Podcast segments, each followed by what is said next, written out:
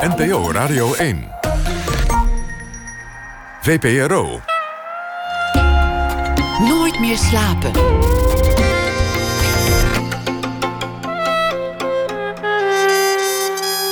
Met Pieter van der Wielen. Goedenacht en welkom bij Nooit meer slapen. Ik kwam vanmiddag op straat een oude bekende tegen. Die vertelde enthousiast dat hij het helemaal ging maken. Hij had namelijk een nachtcafé overgenomen. Ik wil natuurlijk niet degene zijn die meteen met een koude plantenspuit bezwaren begint op te werpen. Dus ik zei: Goh, wat een goed idee. Anticyclisch denken moet je. Mijn gast komend uur die heeft ook een nieuwe baan in de cultuursector.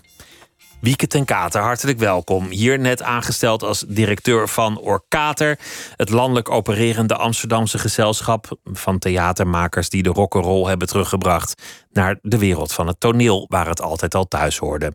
Ze volgt Mark van Warmerdam op, die al vier decennia meedeed aan het gezelschap. En nu gaat Wieke het gezag voeren over een club die, althans vroeger, gezag een vies woord vindt.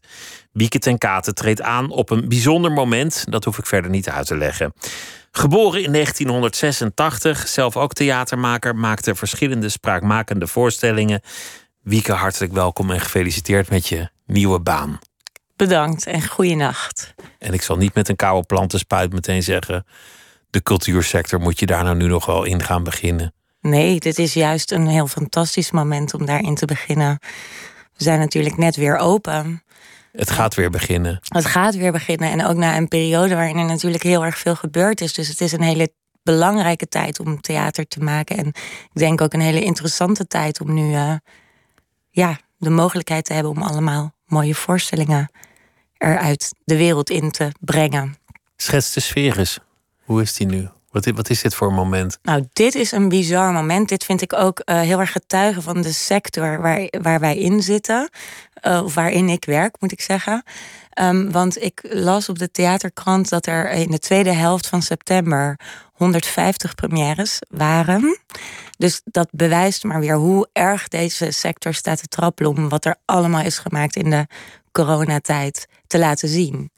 En um, wij waren zelf geselecteerd met de Gliphoeven voor het Theaterfestival. Dat was eigenlijk mijn uh, eerste ervaring weer van een grote zaal. We stonden in ITA, in de, in, in de Rabozaal. Uh, testen voor toegang, dus weer een heleboel mensen in de zaal. En ik zag uh, de voorstellingen, hele mooie uh, ontroerende voorstelling over uh, een Surinaams gezin dat na de onafhankelijkheidsverklaring uh, in Suriname naar Nederland komt met goede hoop en dromen en waarin dat eigenlijk onmogelijk wordt gemaakt. Uh, en, en dat speelt zich af in de gliphoeve, die flat die gekraakt werd. En ik vond het zo mooi, want ik zag allerlei mensen ontroerd raken en huilen. En toen dacht ik, ja, we komen uit een tijd waarin er zoveel is gebeurd. Uh, corona, een hele pandemie, uh, een klimaatcrisis, de moord op George Floyd. Er zijn zoveel grote dingen gebeurd en die hebben we allemaal alleen moeten behapstukken. Ja, allemaal van achter je schermpje thuis. Dat kan gewoon niet. Dus dat was eigenlijk zo'n um, bevestiging van dat je grote verhalen collectief moet meemaken. Omdat het gewoon heel um, bemoedigend is dat je dan mensen geraakt ziet worden. En dat je denkt, ja, dit raakt ons allemaal. Dat vind ik zo'n vertrouwen, ja, vertrouwenswekkend gevoel. Dus ik was heel blij dat het theater weer open is. En, uh... Dat is wel interessant wat je zegt. Dat je, dat je grote gebeurtenissen, of het nou privé is of maatschappelijk, collectief wil beleven. En dat het toch een soort fysieke aanwezigheid vergt. Ja, dat je kunt heel Netflix leegtrekken, maar voor echte zingeving moet je ergens naartoe. Nou ja, dat was wel het dieptepunt. Dat Mark Rutte zei, zet maar een dvd'tje op. Toen dacht ik, nou... Een Hugo de Jonge zei Oh, sorry, Hugo de Jonge, ja. Die met die schoenen. Ja, die... Nou, in ieder geval was het een cultureel dieptepunt, wat mij betreft. Om, precies om wat je zegt. Dus ik denk, en dan kan ik echt ook vanuit eigen ervaring spreken dat, zo, dat het je gewoon eenzaam maakt, zo'n periode. En dat, het, dat je heel erg het gesprek met de ander nodig hebt om je te verhouden tot wat er gebeurt in de wereld. Zeker als dat grote dingen zijn. En daar is het theater bij uitstek natuurlijk een heel mooi uh, uh, middel voor, zou ik bijna willen zeggen. Omdat het je emotioneel kan raken. Dus je kan er eens lekker een potje om huilen natuurlijk, of heel hard om lachen. Maar je kan dus ook zien wat het andere mensen doet. En dat, nou, dat is wel een belangrijk element aan theater samen beleven, ja. Interessant, want, want het is anderhalf jaar gegaan over overleven in essentie. Hoe overleef je fysiek, lichamelijk, qua gezondheid. Hoe overleef je economisch? Hoe overleef je als samenleving? Maar niet gegaan over waarvoor te leven of wat is eigenlijk een zinvol leven. En dat is dan toch het collectief, het samenkomen. Nou. Samen in een zaal zitten. Ik had het niet beter kunnen zeggen. Nee, ik moet zeggen dat me dat. Kijk, ik zit natuurlijk in een sector die heel erg gaat over eh, verhalen vertellen, beschouwen. ehm, plezier maken ook, absoluut. En dat is natuurlijk het eerste wat geschrapt werd. Met grote groepen plezier maken en, en mooie verhalen samen snotteren. Nou, dat kon natuurlijk echt niet. eh, Snotteren was ook besmettingsgevaar. Precies, daarom, daarom dat, dat zat er niet in. En, ehm, eh, maar ik heb me wel verbaasd, misschien dus ook wel vanuit het kader waarin ik kijk. Dat wij hebben het natuurlijk over gezondheidsrisico's en gevaar om ziek te worden. Maar ik denk dat je als je heel lang alleen blijft, dat je, dat, dat ook een vorm bijna van ziekte is of zo.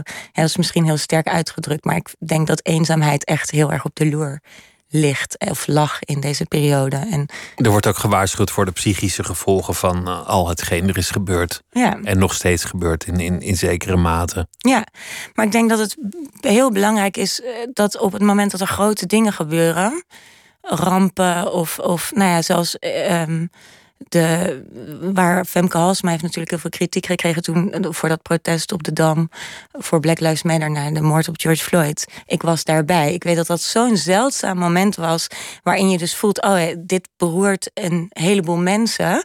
En precies die dingen die zo ingewikkeld zijn, die heel snel voor verdeeldheid kunnen zorgen. Pandemie, waarin al lang gebleken is dat rijken er rijker uitkomen, armen de armen. Ja, dat moet je met elkaar, dat moet je zo, dat moet je actief met elkaar bespreken, dit soort dingen. Want anders dan ja, wordt die kloof groter, wordt de angst voor elkaar groter. En dat bedoel ik eigenlijk met als ik dan zo'n zaal zie.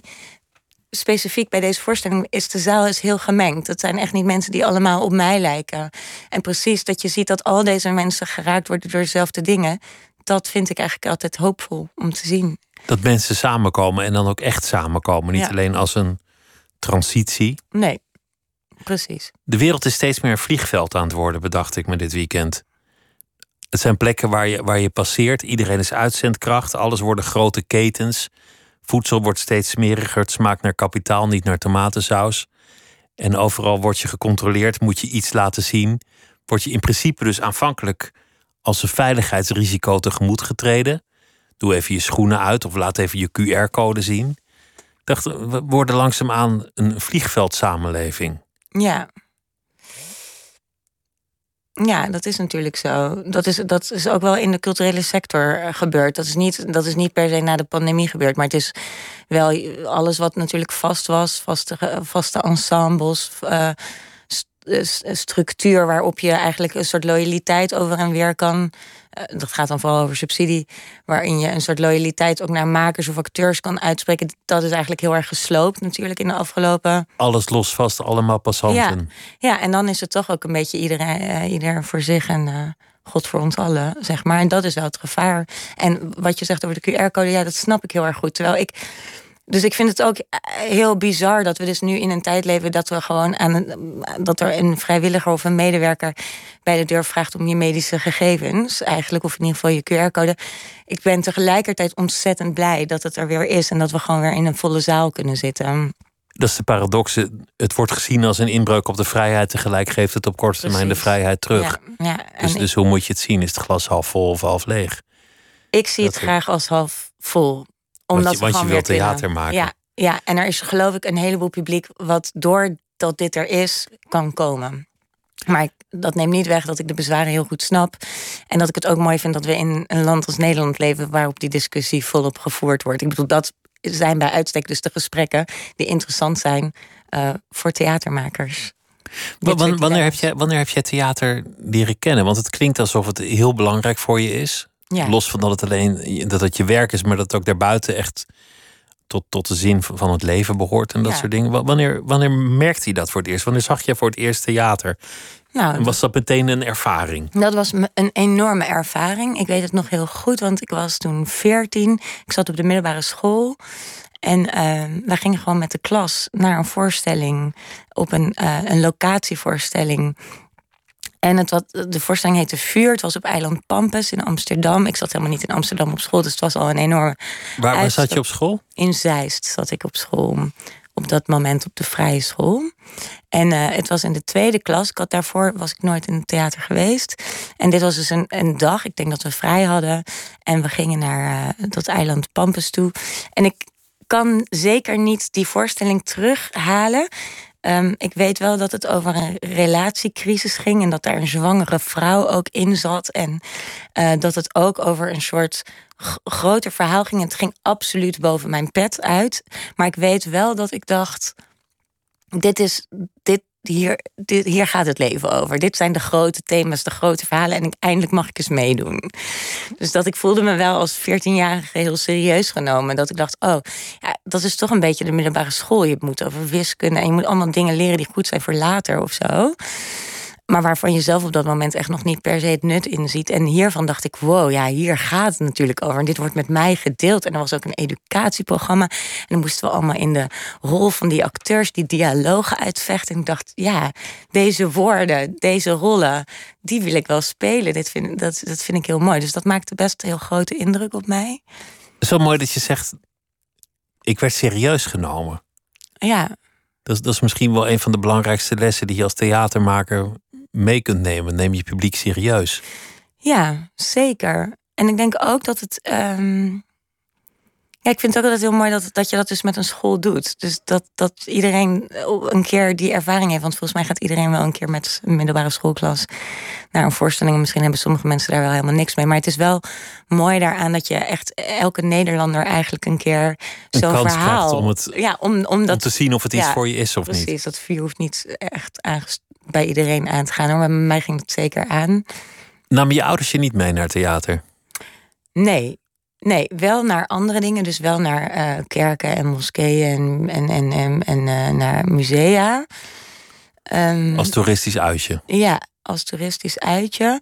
Nou ja, wij waren ook met vier kinderen. En nou ja, een theater met vier kinderen. Als je met z'n zes. We gingen ook niet naar de bioscoop of uit eten. Dat was gewoon te duur ook.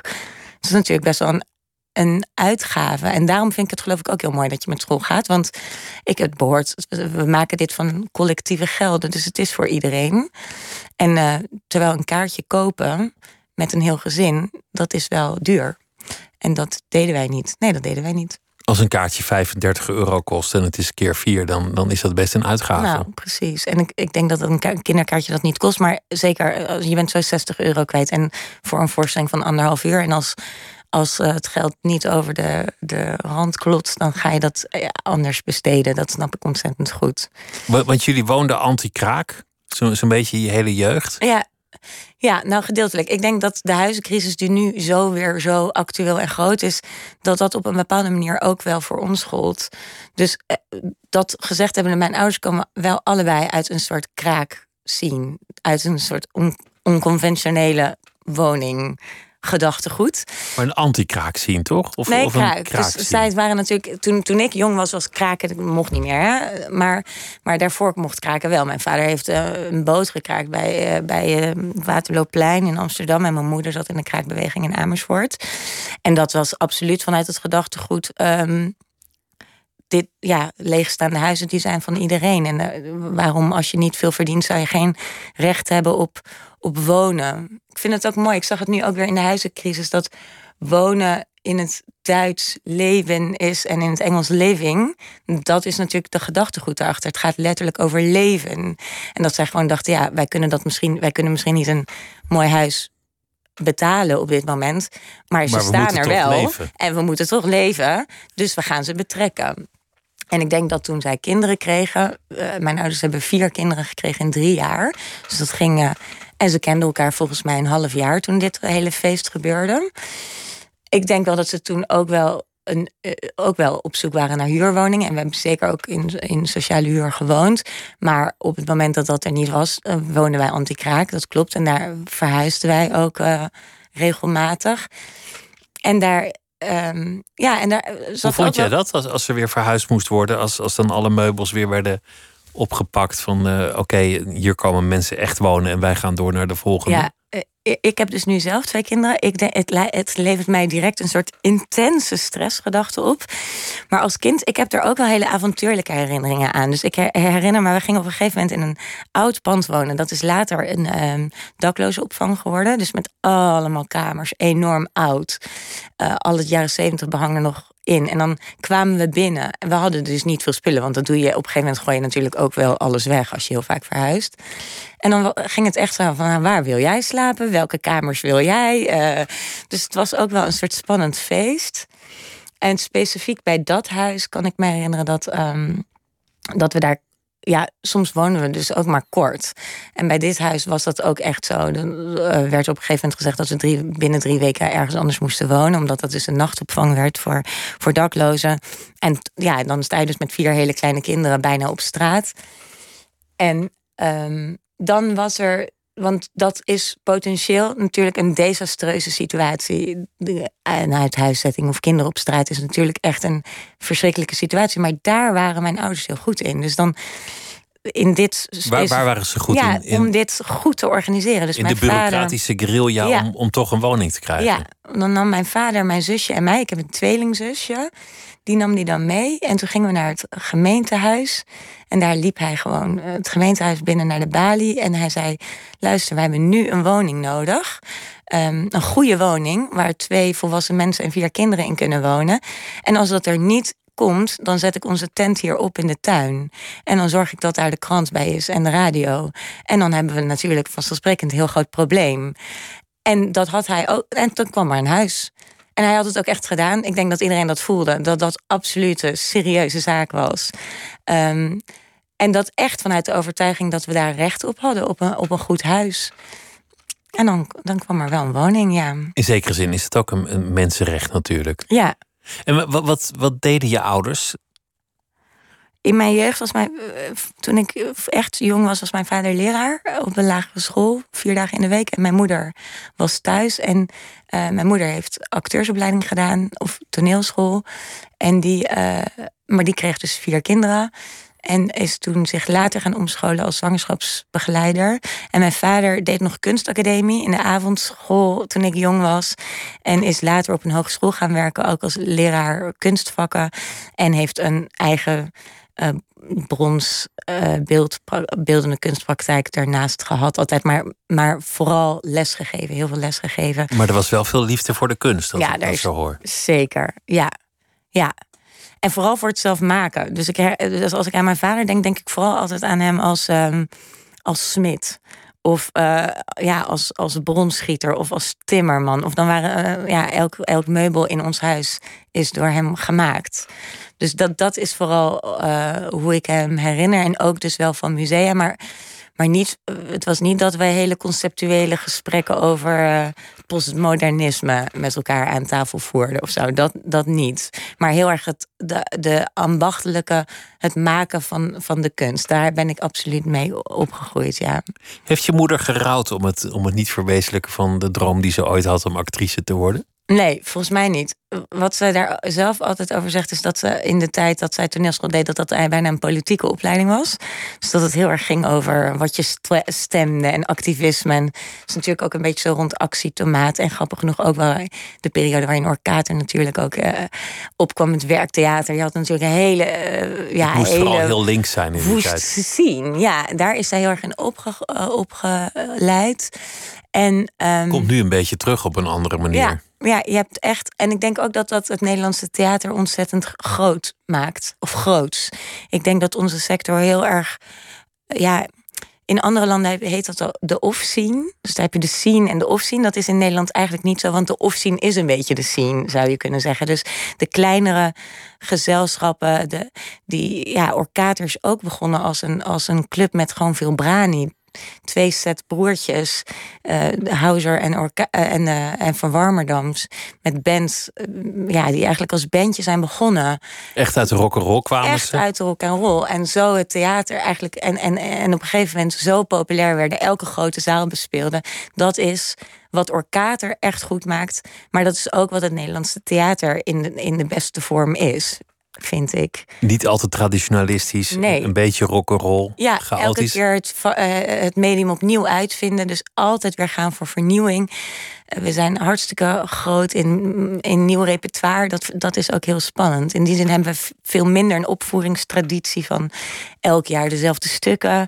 Eh, die kennis is ook niet bij ons aanwezig. Het is, ik weet wel dat. Ik heb ooit een Duits vriendje gehad. Die kon zo bepaalde Duitse stukken helemaal meeciteren. Want dat, dat was gewoon kennis op school. Ja, die traditie hebben wij niet. Maar wij zijn echt een. eh, en daar is Orkater absoluut toonaangevend in geweest.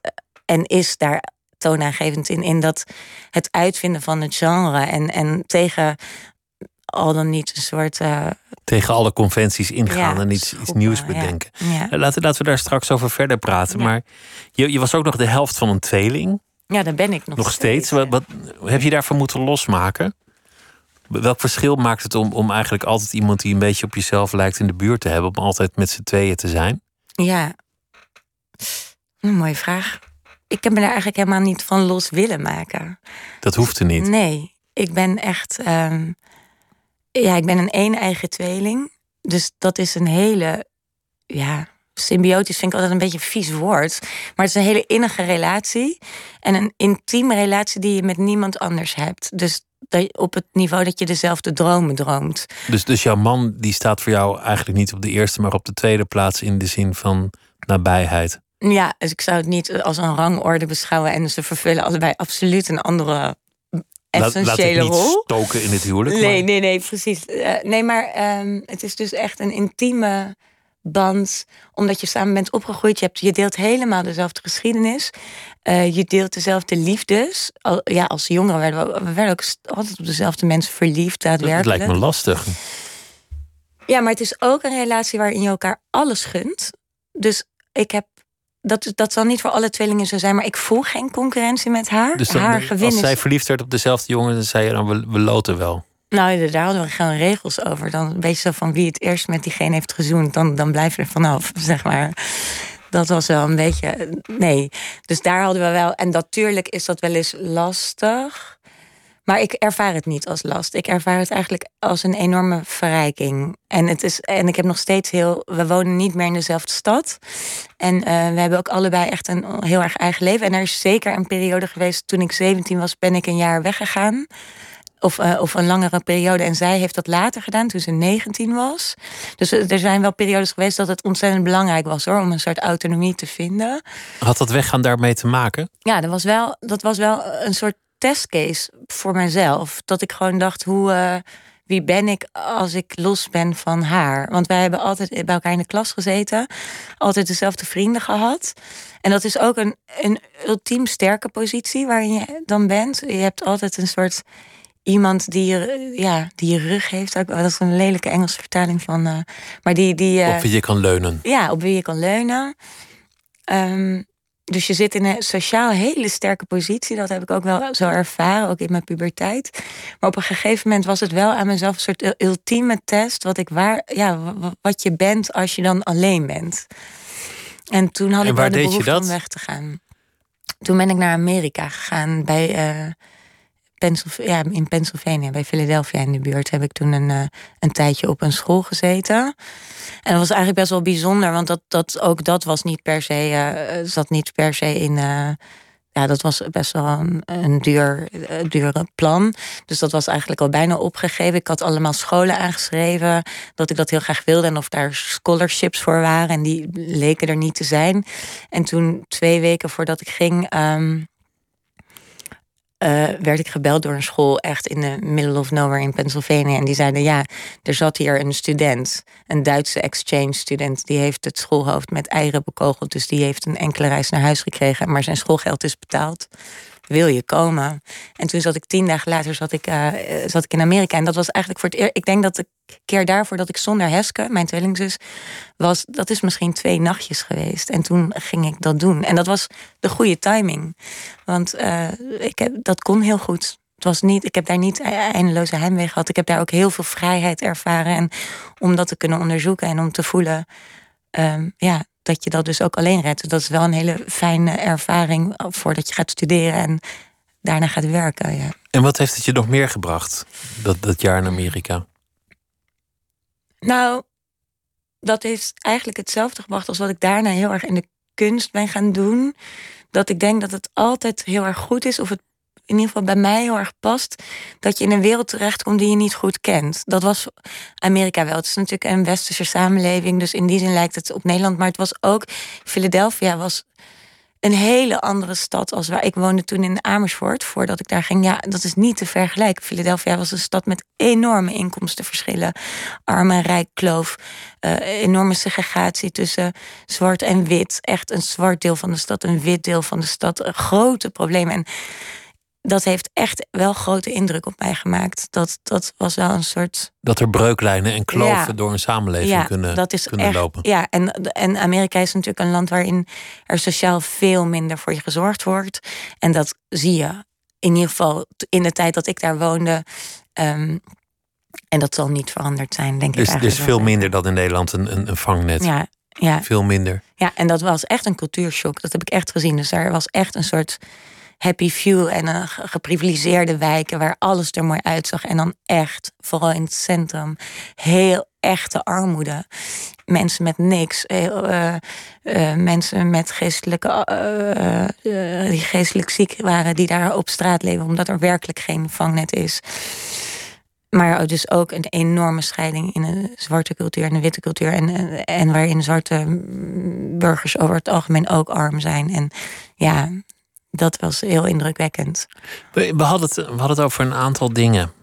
Je, je bent niet echt met een, met een gouden lepel in de mond opgevoed. Nee. Maar het, is ook niet zo dat, dat, dat het totaal de zelfkant van de samenleving was of zoiets. Maar Klopt. ik kan niet zeggen dat je, dat je helemaal rot verwend bent als kind. Nee. Geld voor theater was er bijvoorbeeld niet. Je zei, als er iets gebeurt in een samenleving, dan wil je dat samen meemaken. Het is eigenlijk een plek waar je samen kunt komen, zo'n theater. En nu zeg je iets wat ik wel interessant vind over breuklijnen in een samenleving.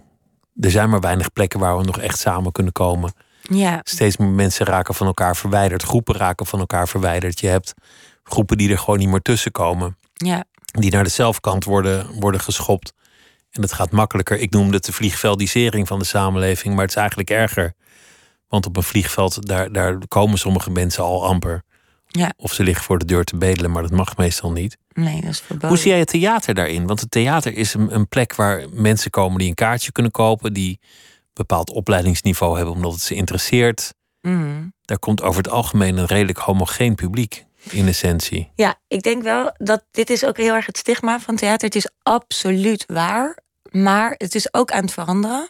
En dat vind ik ook belangrijk om te benadrukken. Want je ziet in de afgelopen periode is er gelukkig heel erg aandacht geweest voor um, welke stemmen worden er niet gehoord. Welke makers mochten tot nu konden, konden geen aanspraak doen op de subsidie. Dus er is een. Ik vind het kunstenveld op dit moment heel divers al. Kan nog veel beter en nog meer. Maar daar zie je, dat zie je echt ook al terug in de zaal. Dus dat vind ik wel belangrijk om te benoemen.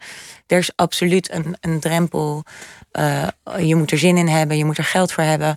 Dus dat is zeker zo. Maar ik denk wel dat dat al een ontzettend goede stap in de richting is. Is, is ehm, dat te doen om, om, om de mensen over wie het gaat in het theater ook echt in die stoel te krijgen? Ik, ik heb heel veel voorstellingen gezien de, de laatste jaren. Die gaan over vluchtelingen, die gaan over integratie, die gaan over armoede. Ja. Die, die gaan over moeilijke wijken. Maar, maar de mensen over wie het gaat zitten zelden in de zaal. Ja, ik denk dat het wel kan. Um, en ook door expliciet, dat, dat is ook voor Kater, eh, vind ik belangrijk. Ik heb gewoon in mijn werk uh, als theatermaker, maar daarvoor heb ik ook voor de klas gestaan en educatie gedaan. Dat zich natuurlijk heel expliciet op een publiek richt. Um, ik denk dus dat het zeker, sorry, ik weet even niet waar ik heen ging, maar of het te doen is, ja. Ik denk dat het dus heel belangrijk is om buiten het theater ook zichtbaar te zijn. Want als theatermaker verhoud je heel vaak tot de grote onderwerpen van de tijd. En eigenlijk moet je jezelf altijd afvragen of, dat vind ik in ieder geval belangrijk, wie is hier nog meer mee bezig? Want er zijn altijd meer mensen mee bezig. En daar kan je ook uh, de handen in één slaan. Ik heb, ben begonnen op als theatermaker op locatie. Mijn eerste voorstelling die ik maakte was op een heel groot afvalverwerkingsterrein. Ging inderdaad over armoede. Eigenlijk de eerste paar voorstellingen die ik maakte gingen over armoede. De tweede voorstelling was in een lege tandpasta-fabriek. Ging over alle ontslagen medewerkers van Prodent. Drie jaar na dato. Die fabriek was helemaal leeg. Ik heb allerlei mensen gesproken, oproepen in de krant gedaan.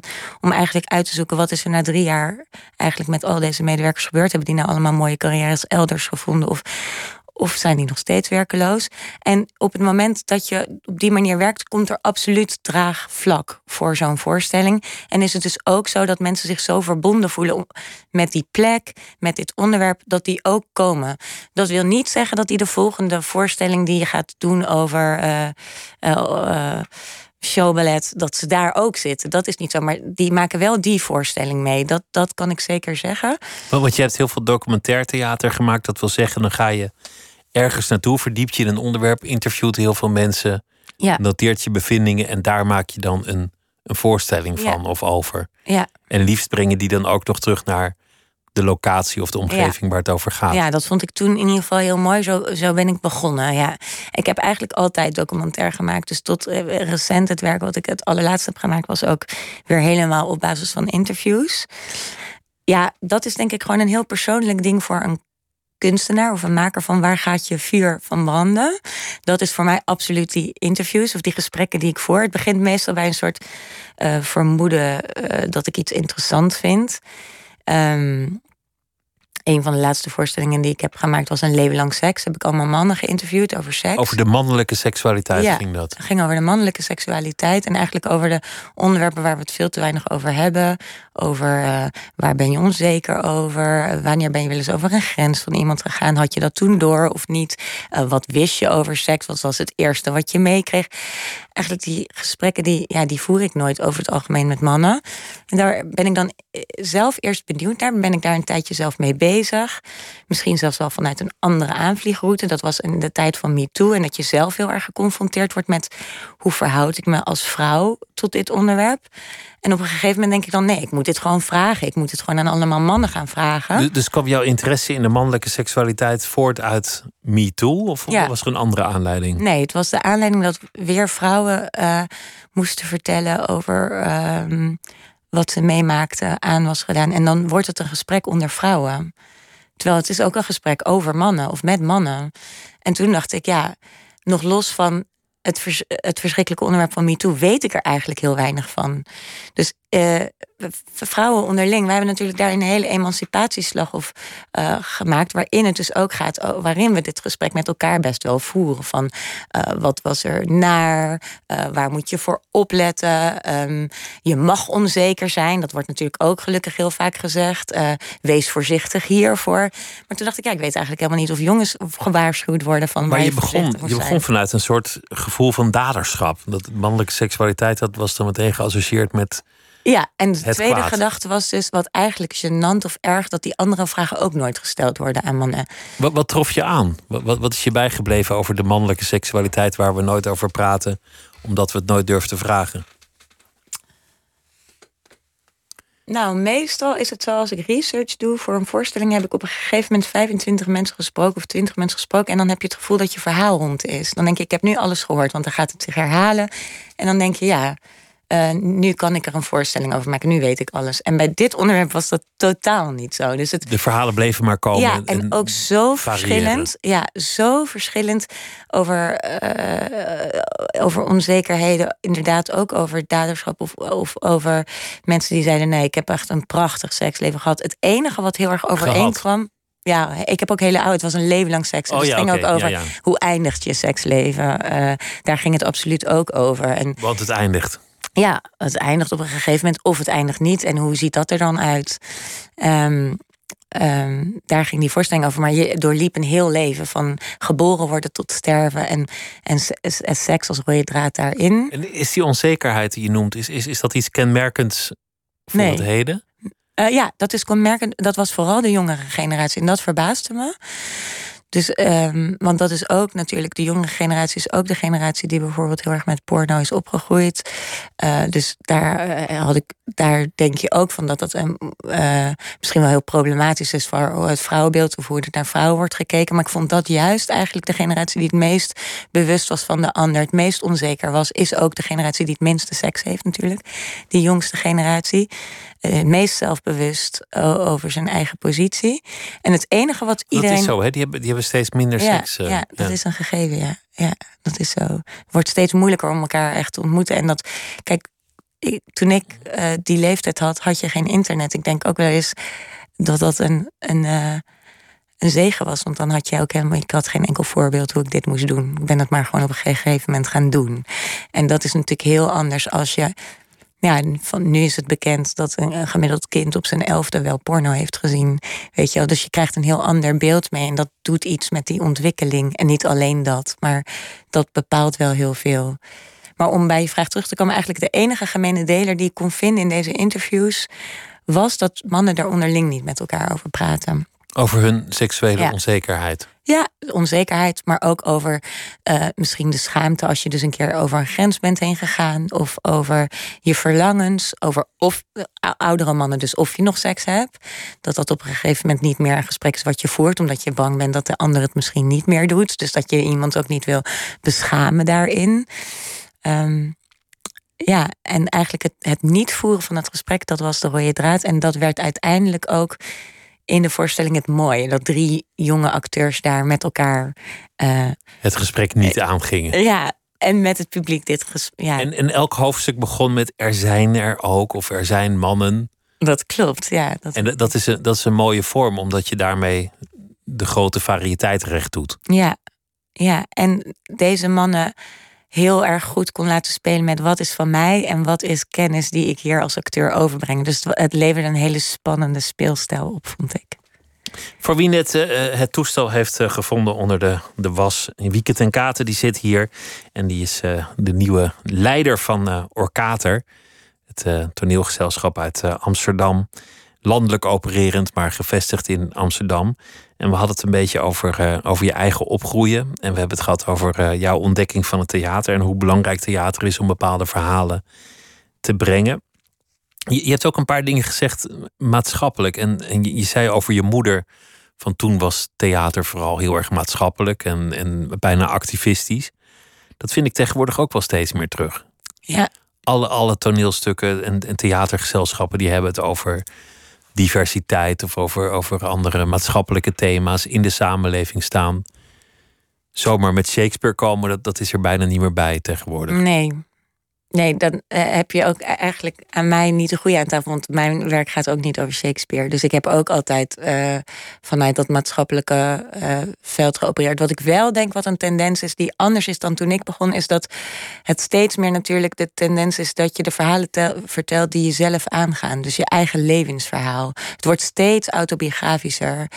Um, dat is wel een nieuwe trend. Dus dat je het verhaal vertelt wat van jou is, zeg maar. En mijn de voorstellingen die ik heb gemaakt vertrekken veel explicieter vanuit het perspectief van iemand anders. En dat is, uh, ja, dat is altijd best wel glad ijs natuurlijk. Of dat is nu, dat was het eerder niet, maar dat, dat wordt wel steeds Zo van, meer. Wie ben jij om andermans Ja. verhaal te vertellen? Ja, ja, Terwijl je eigenlijk een soort documentairemaker bent die, die het filmt. ja, klopt.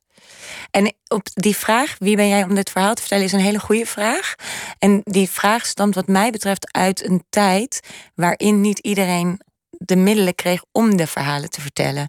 Dus volgens mij is die vraag, moet je die uit elkaar trekken? Dus voor mij is kunst echt een vrijplaats.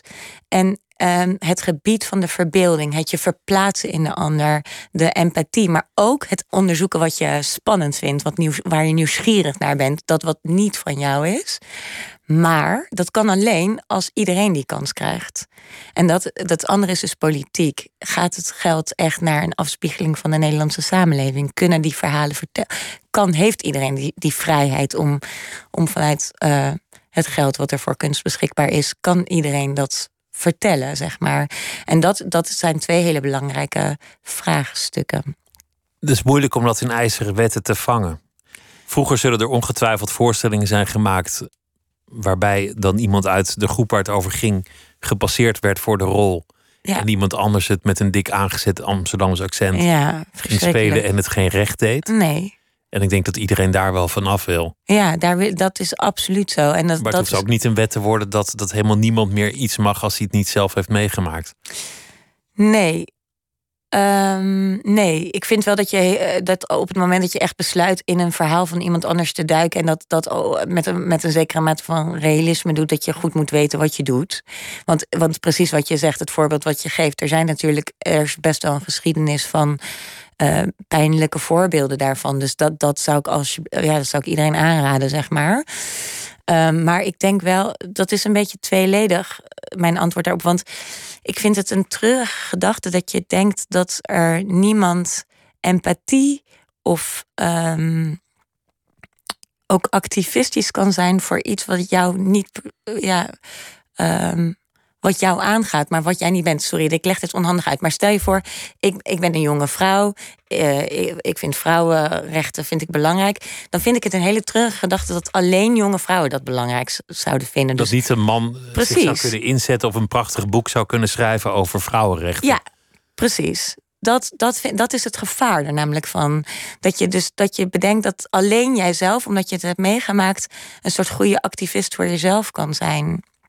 En de Dat is emancipatie. een, een van de redenen waarom To Kill a Mockingbird niet meer gedoseerd mag worden op Amerikaanse universiteiten. Ja.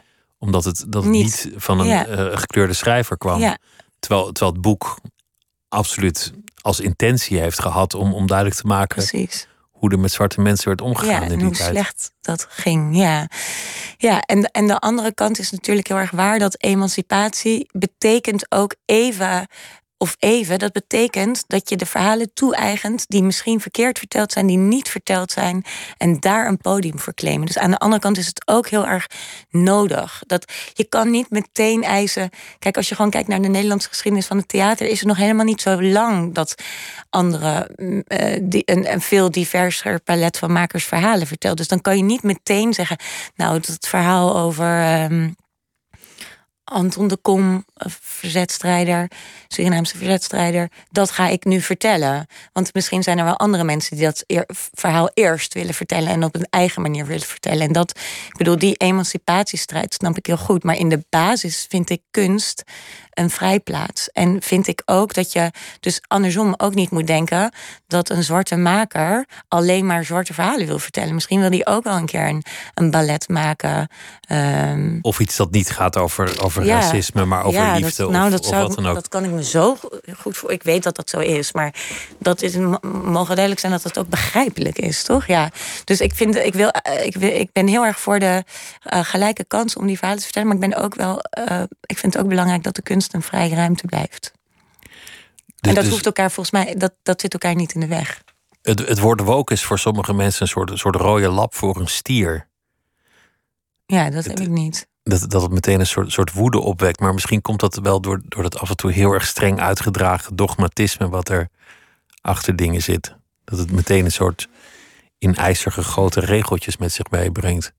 Ja, nou dat is dan, eh, vind ik dat nauw bekeken. Misschien is het woord woke gewoon ook een vervelend woord. Omdat, omdat het iets hotens heeft van, van jij slaapt en ik ben wakker. Ja, nou, het heeft wel iets te maken met eh, om je heen kijken en beseffen in welk land je leeft en in welke tijd. Dus daarin vind ik wel. Maar het is, klopt, het is heel vaak gebruikt als ben je woke of zo. Zo van iemand anders is het vooral niet.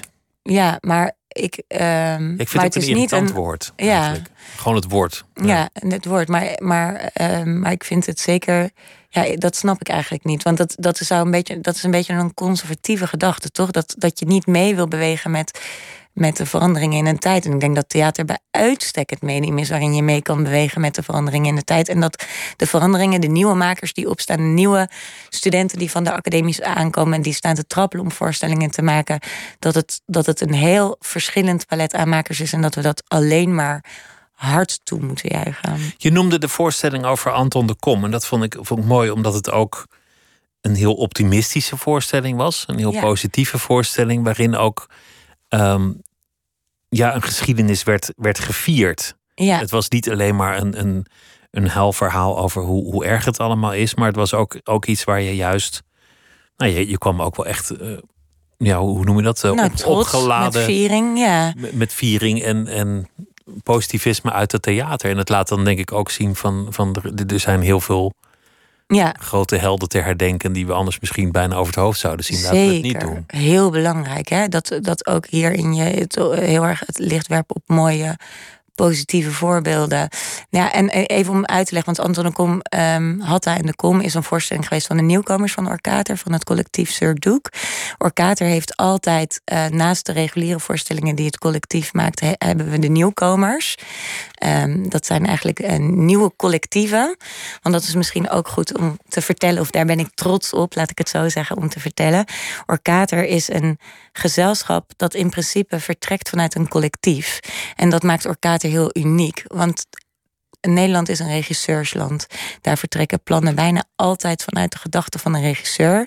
Eigenlijk een beetje het beeld dat ik net schetste. En daar, daar als regisseur zoek je allerlei eh, vormgever, acteurs. Maar jij bedenkt het plan. Je geeft zelfs een schrijver een opdracht om jouw stuk te schrijven. En bij Orkater is dat echt fundamenteel anders. Daar kan je als acteur op de vloer staan en echt van begin tot eind verantwoordelijk zijn met waarmee je op de vloer staat.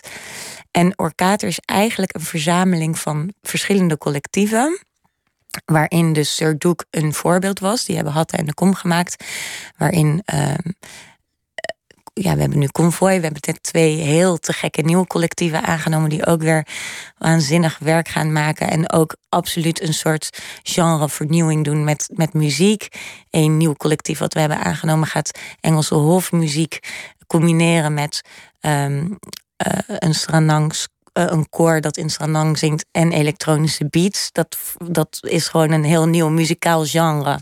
Klonk waanzinnig vet toen zij dat gingen presenteren bij ons. Ja, dat is een beetje, dat is in ieder geval mijn trots, zeg maar. Ehm, dat, dat daar dan straks vier, vier nieuwe makers staan, drie actrices en een muzikant, die met z'n vieren helemaal verantwoordelijk zijn voor hoe die voorstelling gaat zijn. En dat collectief werken, dat is bijzonder. Want als je collectief werkt, moet je altijd het gesprek blijven voeren over. eh, je kan je wil niet opleggen als collectief. Dus je, moet, naar elkaar luisteren. je moet naar elkaar luisteren. En je hoe, moet, hoe moet jij nou leiding geven als iedereen eh, vanuit het collectief werkt en iedereen gelijk is? Nou, dat is het mooie aan Orkater. Daar hadden we het eigenlijk net ook over. Dat je zegt, de wereld heeft allerlei verschillende stemmen. Zie die maar bij elkaar te krijgen. Dat kan bij Orkater. Want we hebben eh, ruimte voor heel veel verschillende collectieven. Dus ehm Convoy is een ander voorbeeld. Die putten veel meer vanuit... eh, die hebben Ilias gemaakt. Hebben nu net heel succesvolle versie van... een hele eigentijdse versie van de Meester en Margarita boek eh, gemaakt. Ja, dat is weer iets heel anders dan... eh, ehm, Sir Duke, wat de blackout van. ehm, 72. ja, Was het 72? Ja. 77, ja. maakte. Of Hatta en de Kom. eh, die putten weer uit een heel ander vat. En juist dat dat soort voorstellingen met totaal eigen muziek. en eigen verhalen. en ook een eigen publiek. in één huis gebeuren. Dat, is, eh, dat maakt Orkater tot een heel opwindend en eigen gezelschap. En ik, wa- waar ik aanleiding moet geven, is vooral dat deze mensen dat werk kunnen maken. En dat Dus de jij wordt- interessante mensen bij Orkater blijven komen. Dus jij wordt faciliterend eigenlijk de, de, de komende tijd. Zorgen dat iedereen ruimte vindt, plek vindt, Ja, absoluut. aan Ja, elkaar gekoppeld wordt. Ja, en, en eh, ik denk dat het aan mij inderdaad ook de taak is. Ook met de makers hoor. Want dat vind ik ook heel belangrijk dat je dat als maker altijd weer blijft doen. Zij voeren dat eh, gesprek over wat er gemaakt moet worden intern. Maar dat, en het is ook aan mij en ook aan de makers om dat ook extern te voeren.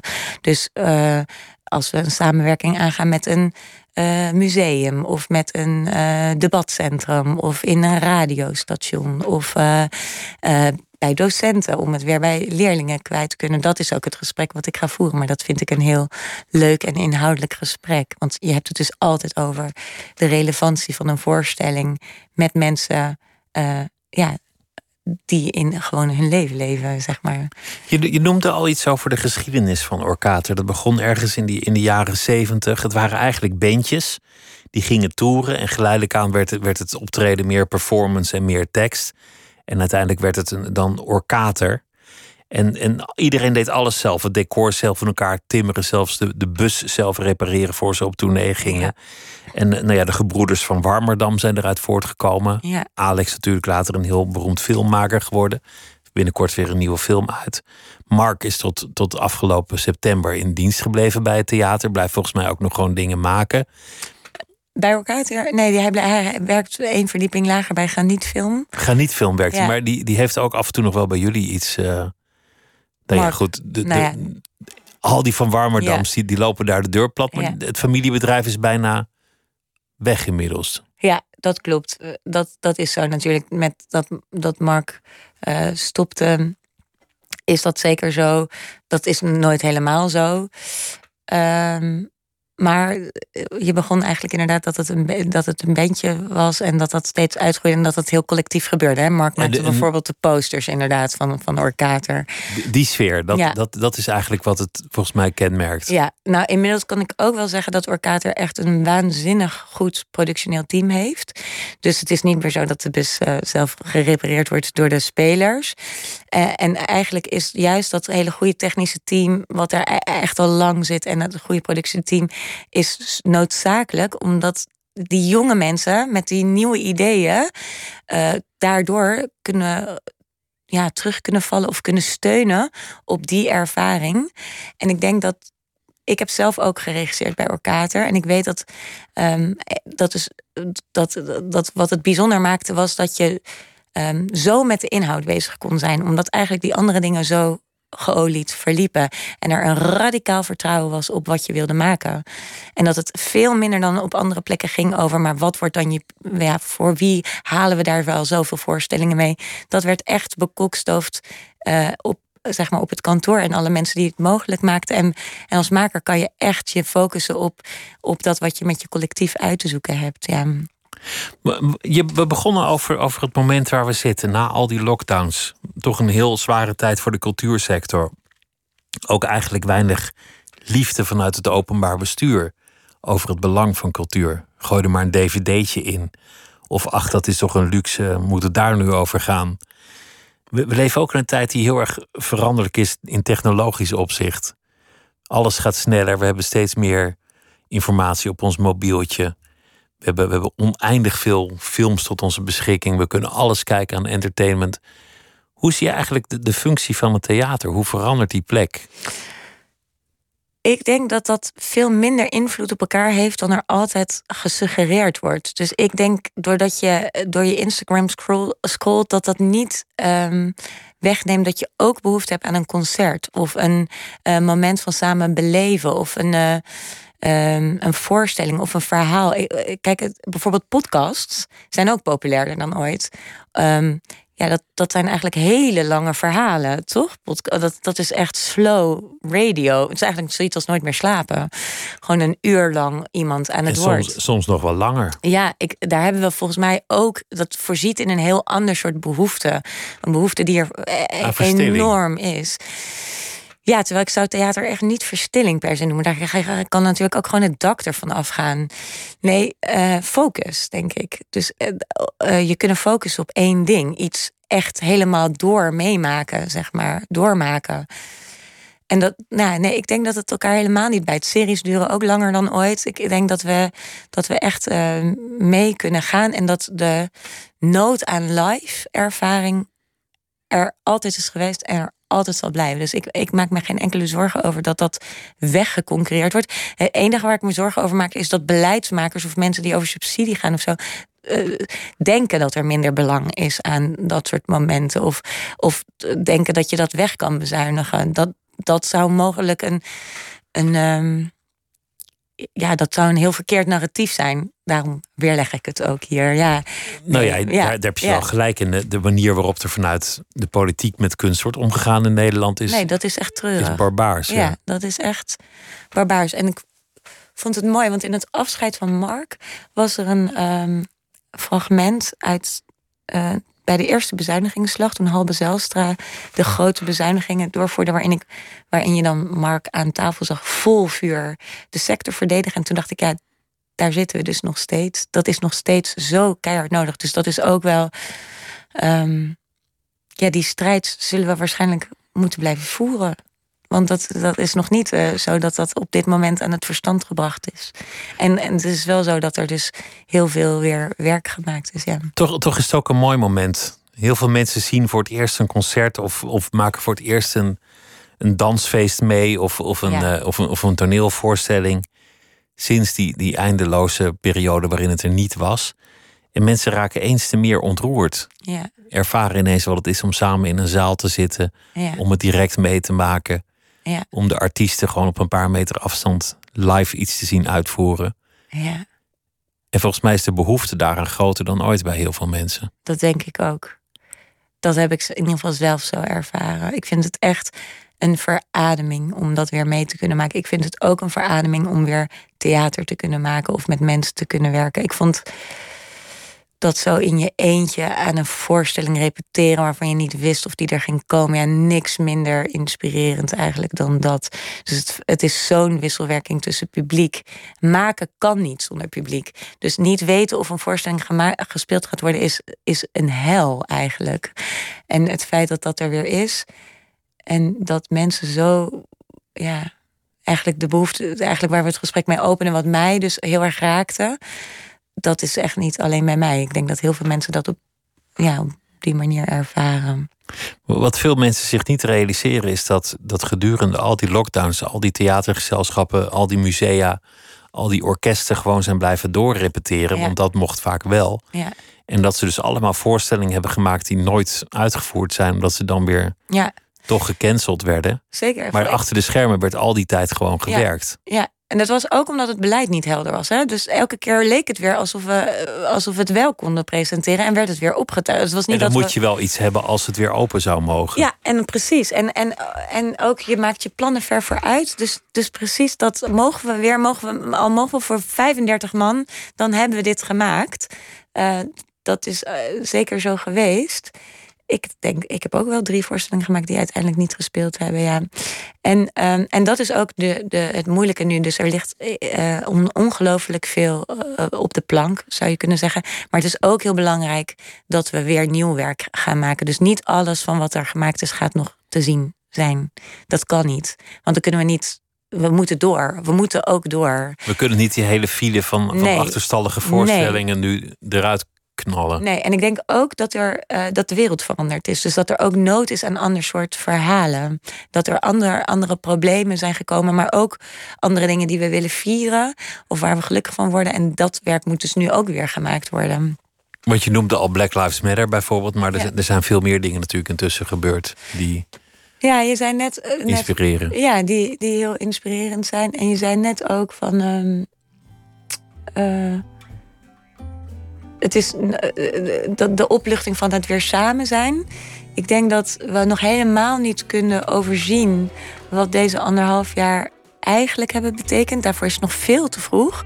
Daar gaat nog van alles uit boven komen aan, aan onderliggende thematieken. Uh, wie er eigenlijk buiten de boot zijn gevallen. Um, ik denk ook, ik weet dat ik op een gegeven moment uh, Joost van Bellen, radio, uh, nee, uh, DJ, vroegere DJ van de Roxy, maar um, die uit een soort, die kon anderhalf jaar niet draaien. En toen maar een, een, boek heeft geschreven over het nachtleven en een ode aan, aan eigenlijk het feestcultuur. Alles wat er in die nacht gebeurt van samen zijn. Um, uh, zo de, de, creatieve noodzaak daarin. Dat dat ook een deel gaat zijn van de voorstellingen. Echt een revolutie van kunst gewoon. Um, dat is eigenlijk een heel positief verhaal. Ik krijg er zin in. Wieket ja. en Katen, dank je wel dat je het gast wilde zijn. En veel plezier. Dank je Dit wel. was Nooit meer slapen. Yes.